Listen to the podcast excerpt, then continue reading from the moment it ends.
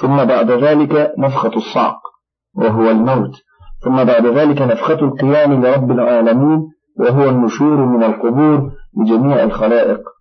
ولهذا قال تعالى وكل أتوه داخلين قرئ بالمد آتوه وبغيره على الفعل. وكل بمعنى واحد. وداخلين أي صاغرين مطيعين لا يتخلف أحد عن أمره. كما قال تعالى يوم يدعوكم فتستجيبون بحمده. وقال تعالى ثم إذا دعاكم دعوة من الأرض إذا أنتم تخرجون. وفي حديث الصور أنه في النفخة الثالثة يأمر الله الأرواح فتوضع في ثقب في الصور ثم ينفخ إسرافيل فيه بعدما تنبت الأجساد في قبورها وأماكنها. فإذا نفخ في الصور طارت الأرواح تتوهج أرواح المؤمنين نورا وأرواح الكافرين ظلمة.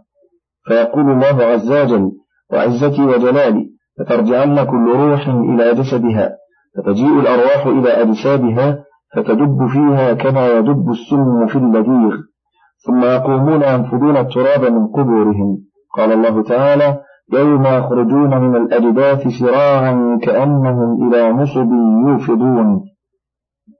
وقوله تعالى وترى الجبال تحسبها جامدة وهي تمر مر السحاب أي تراها كأنها ثابتة باقية على ما كانت عليه وهي تمر مر السحاب أي تزول عن أماكنها. كما قال تعالى يوم تمور السماء مورا وتسير الجبال سيرا. وقال تعالى ويسألونك عن الجبال فقل ينسفها ربي نسفا فيذرها قاعا صفصفا لا ترى فيها عوجا ولا أمتا وقال تعالى ويوم نسير الجبال وترى الأرض بارزة. وقوله تعالى صنع الله الذي أتقن كل شيء أي يفعل ذلك بقدرته العظيمة. الذي أتقن كل شيء أي أتقن كل ما خلق وأودع فيه من الحكمة ما أودع. إنه خبير بما يفعلون أي هو عليم بما يفعل عباده من خير وشر. وسيجازيهم عليه أتم الجزاء. ثم بيع تعالى حال السعداء والأشقياء يومئذ فقال من جاء بالحسنة فله خير منها. قال قتادة بالإخلاص. وقال زين العابدين هي لا إله إلا الله. وقد بين تعالى في الموضع الآخر أن له عشرا أمثالها وهم من فزع يومئذ آمنون. كما قال في الآية الأخرى لا يحزنهم الفزع الأكبر. وقال تعالى أفمن يلقى في النار خير أم من يأتي آمنا يوم القيامة؟ وقال تعالى وهم في الغرفات آمنون. وقوله تعالى ومن جاء بالسيئة فكبت وجوههم في النار أي من لقي الله مسيئا لا حسنة له أو قد رجحت سيئاته على حسناته كل بحسبه. ولهذا قال تعالى هل تجزون إلا ما كنتم تعملون؟ وقال ابن مسعود وابن عباس وأبو هريرة رضي الله عنهم وأنس بن مالك وعطاء وسعيد بن جبير وعكرمة ومجاهد وإبراهيم النخعي وأبو وائل وأبو صالح ومحمد بن كعب وزيد بن أسلم الزهري والسدي والضحاك والحسن وقتادة وابن زيد في قوله ومن جاء بالسيئة يعني بالشرك. إنما أمرت أن أعبد رب هذه البلدة الذي حرمها وله كل شيء وأمرت أن أكون من المسلمين. وأن أتلو القرآن فمن اهتدى فإنما يهتدي لنفسه. ومن ضل فقل إنما أنا من المنذرين وقل الحمد لله سيريكم آياته فتعرفونها وما ربك بغافل عما تعملون يقول تعالى مخبرا رسوله وآمرا له أن يقول إنما أمرت أن أعبد رب هذه البلدة الذي حرمها وله كل شيء كما قال تعالى قل يا أيها الناس إن كنتم في شك من ديني فلا فلا أعبد الذين تعبدون من دون الله ولكن أعبد الله الذي يتوفاكم. وإضافة الربوبية إلى البلدة على سبيل التشريف لها والاعتناء بها كما قال تعالى فليعبدوا رب هذا البيت الذي أطعمهم من جوع وآمنهم من خوف. وقوله تعالى الذي حرمها أي الذي إنما صارت حراما شرعا وقدرا بتحريمه لها. كما ثبت في الصحيحين عن ابن عباس قال قال رسول الله صلى الله عليه وسلم يوم فتح مكة إن هذا البلد حرمه الله يوم خلق السماوات والأرض فهو حرام بحرمة الله إلى يوم القيامة. لا يعبد شوكه ولا ينفر صيده ولا يلتقط لقطته إلا من عرفها ولا يختلى خلاها. الحديث بتمامه. وقد ثبت في الصحاح والحسان والمسانيد من طرق جماعة تفيد القطع كما هو مبين في موضعه من كتاب الأحكام ولله الحمد والمنة. وقوله تعالى وله كل شيء من باب عطف العام على الخاص أي هو رب هذه البلدة ورب كل شيء ومليكه لا إله إلا هو. وأمرت أن أكون من المسلمين أي الموحدين المخلصين المنقادين لأمره المطيعين له. وقوله وأن أتلو القرآن أي على الناس أبلغهم إياه كقوله تعالى ذلك نتلوه عليك من الآيات والذكر الحكيم وكقوله تعالى نتلو عليك من نبأ موسى وفرعون بالحق. الآية أي أنا مبلغ ومنذر. فمن اهتدى فإنما يهتدي لنفسه ومن ضل فقل إنما أنا من المنذرين. أي لي أسوة بالرسل الذين أنذروا قومهم وقاموا بما عليهم من أداء الرسالة إليهم. وخلصوا من عهدتهم وحساب أممهم. وخلصوا من عهدتهم وحساب أممهم على الله تعالى كقوله تعالى فإنما عليك البلاغ وعلينا الحساب وقال إنما أنت نذير والله على كل شيء وكيل. وقل الحمد لله سيريكم آياته فتعرفونها. أي لله الحمد الذي لا يعذب أحدا إلا بعد قيام الحجة عليه والإنذار إليه. ولهذا قال تعالى سيريكم آياته فتعرفونها. كما قال تعالى سنريهم آياتنا في الآفاق وفي أنفسهم حتى حتى تبين لهم أنه الحق. وقوله تعالى وما ربك بغافل عما تعملون. أي بل هو شهيد على كل شيء.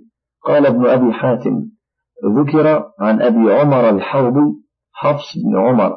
حدثنا أبو أمية بن يعلى حدثنا أبو أمية بن يعلى الثقفي حدثنا سعيد بن أبي سعيد سمعت أبا هريرة يقول قال رسول الله صلى الله عليه وسلم يا أيها الناس لا يغترن أحدكم بالله فإن الله لو كان غافلا شيئا لأغفل البعوضة والخردلة والذرة.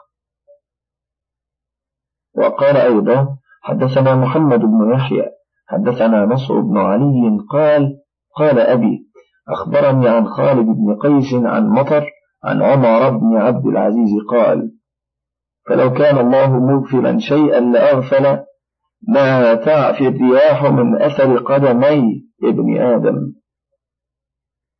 وقد ذكر عن الإمام أحمد رحمه الله أنه كان ينشد هذين البيتين إما له وإما لغيره. إذا ما خلوت الدهر يوما فلا تقل خلوت. ولكن قل علي رقيب. ولا تحسبن الله يغفل ساعة. ولا أن ما تخفي عليه يغيب. آخر تفسير سورة النمل ولله الحمد والمنة. تفسير سورة القصص. وهي مكية. الصفحة التاسعة والسبعون والثلاثمائة. قال الإمام أحمد بن حنبل رحمه الله حدثنا يحيى بن آدم حدثنا وكيع عن أبيه عن أبي إسحاق عن معدي كرب قال أتينا عبد الله فسألناه أن يقرأ علينا طاسين المئتين. فقال ما هي معي؟ ولكن عليكم بمن أخذها من رسول الله صلى الله عليه وسلم. خباب بن الأرت قال فأتينا خباب بن الأرت فقرأها علينا رضي الله عنه. بسم الله الرحمن الرحيم.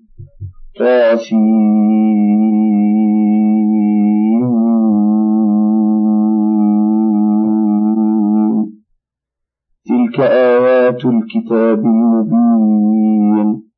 نتلو عليك من نبأ موسى وفرعون بالحق لقوم يؤمنون. إن فرعون علا في الأرض وجعل أهلها شيعا وجعل أهلها شيعا يستضعف طائفة منهم. يستضعف طائفة منهم يذبح أبناءهم ويستحيي ويستحيي نساءهم إنه كان من المفسدين. ونريد أن نمن على الذين استضعفوا في الأرض ونجعلهم ونجعلهم أئمة ونجعلهم الوارثين ونمكن لهم في الأرض ونري فرعون وهامان وجنودهما ونري فرعون وهامان وجنودهما مما كانوا يحذرون قد تقدم الكلام على الحروف المقطعة. وقوله تلك أي هذه. آيات الكتاب المبين أي الواضح الجلي الكاشف عن حقائق الأمور وعلم ما قد كان وما هو كائن.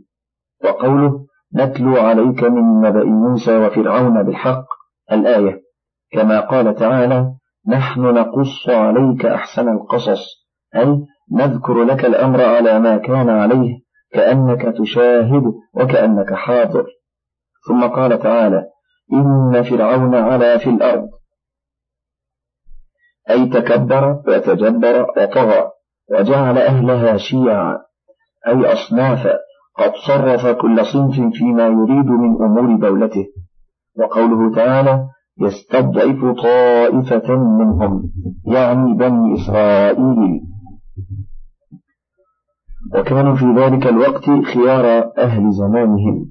هذا وقد سلط عليهم هذا الملك الجبار العنيد يستعملهم في أخص الأعمال ويكدهم ليلا ونهارا في أشغاله وأشغال رعيته ويقتل مع هذا أبناءهم ويستحيي نساءهم إهانة لهم واحتقارا وخوفا من أن يوجد منهم الغلام الذي كان قد تخوف هو وأهل مملكته. من أن يوجد منهم غلام يكون سبب هلاكه وذهاب دولته على يديه. فكانت القبط يكون سبب هلاكه وذهاب دولته على يديه. وكانت القبط قد تلقوا هذا من بني إسرائيل فيما كانوا يدرسونه من قول إبراهيم الخليل. حين ورد الديار المصرية وجرى له مع جبارها ما جرى؟ حين أخذ سارة ليتخذها جارية فصانها الله منه ومنعه منها بقدرته وسلطانه. فبشر إبراهيم عليه السلام ولده أنه سيولد من صلبه وذريته من يكون هلاك ملك مصر على يديه. فكانت القبط تحدث بهذا عند فرعون. احترز فرعون من ذلك وأمر بقتل ذكور بني إسرائيل. ولن ينفع حذر من قدر لأن أجل الله إذا جاء لا يؤخر ولكل أجل كتاب. ولهذا قال تعالى ولهذا قال تعالى ونريد أن نمن على الذين استضعفوا في الأرض إلى قوله يحذرون. وقد فعل تعالى ذلك بهم كما قال تعالى وأورثنا القوم الذين كانوا يستضعفون إلى قوله يهرشون. وقال تعالى كذلك وأورثناها بني إسرائيل.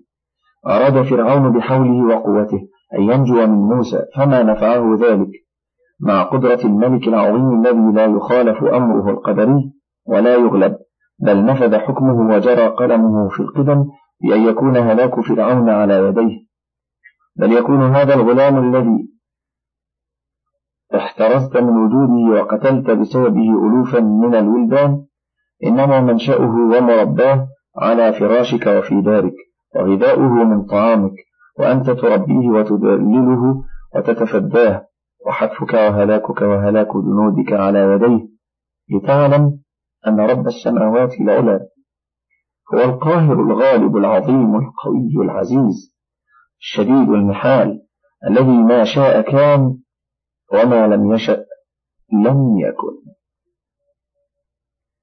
وأوحينا إلى أم موسى أن أرضيه أن أرضيه فإذا خفت عليه فألقيه في اليم ولا تخافي ولا تحزني إنا رادوه إليك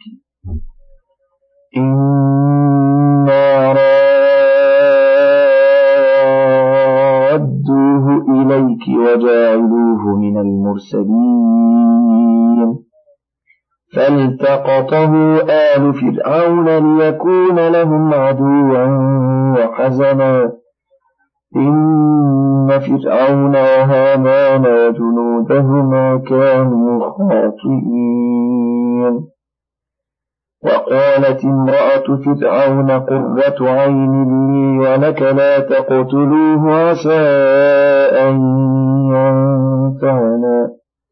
عسى أن ينفعنا أو نتخذه ولدا. أو نتخذه ولدا وهم لا يشعرون. ذكروا أن فرعون لما أكثر من قتل ذكور بني إسرائيل. خافت القبط أن يفنى بنو إسرائيل فيلونهم ما كانوا يلونه من الأعمال الشاقة. فقالوا لفرعون فقالوا لفرعون إنه يوشك إن استمر هذا الحال أن يموت شيوخهم وغلمان وغلمانهم يقتلون ونساؤهم لا يمكن أن تقمن بما تقوم به رجالهم من الأعمال فيخلص إلينا ذلك. فأمر بقتل الولدان عاما وتركهم عاما. فولد هارون عليه السلام في السنة التي يتركون فيها الولدان. وولد موسى في السنة التي يقتلون فيها الولدان. وكان لفرعون ناس موكلون بذلك. وقوابل يدرن على النساء فمن رأينها قد حملت أحصوا اسمها. وإذا كان وقت ولادتها لا يقبلها إلا نساء القبط. لا يقبلها إلا نساء القبط. فإن ولدت المرأة جارية تركناها وذهبنا. وإن ولدت غلاما دخل أولئك الذباحون بأيديهم الشفار المرهفة فقتلوه ومضوا قبحهم الله تعالى. فلما حملت أم موسى به عليه السلام لم يظهر عليها مخايل الحمل كغيرها ولم تفتن لها الدايات. ولكن لما وضعته ذكر ضاقت به ذرعا وخافت عليه خوفا شديدا وأحبته حبا زائدا. وكان موسى عليه السلام لا يراه أحد إلا أحبه. فالسعيد من أحبه طبعا وشرعا. قال الله تعالى وألقيت عليك محبة مني. فلما ضاقت به ذرعا ألهمت في سرها وألقي في خلبها ونفث في روعها كما قال تعالى وأوحينا إلى أم موسى أن أرضعيه فإذا خفت عليه فإذا خفت عليه فألقيه في اليم ولا تخافي ولا تحزني. إنا رادوه إليك وجاعلوه من المرسلين. وذلك أنه كانت دارها على حافة النيل فاتخذت تابوت ومهدت فيه مهدا وجعلت ترضع ولدها. فإذا دخل عليها أحد ممن تخافه ذهبت. فوضعته في ذلك التابوت وسيرته في البحر وربطته بحبل عندها. فلما كان ذات يوم دخل عليها من تخافه. فذهبت فوضعته في ذلك التابوت وأرسلته في البحر وذهلت أن تربطه فذهب مع الماء واحتمله حتى مر به على دار فرعون فالتقطه الجواري فاحتملنه. فذهبن به إلى امرأة فرعون ولا يدرين ما فيه وخشينا أن يفتتن عليها في فتحه دونها. فلما كشفت عنه إذا هو غلام من أحسن الخلق وأجمله وأحلاه وأبهاه. فأوقع الله محبته في قلبها حين نظرت إليه وذلك لسعادتها وما أراد الله من كرامتها وشقاوة بعلها. ولهذا قال فالتقطه آل فرعون. ليكون لهم عدوا وحزنا. الآية. قال محمد بن إسحاق وغيره اللام هنا لام العاقبة. لا لام التعليل لأنهم لم يريدوا بالتقاطه ذلك. ولا شك أن ظاهر اللفظ يقتضي ما قالوه.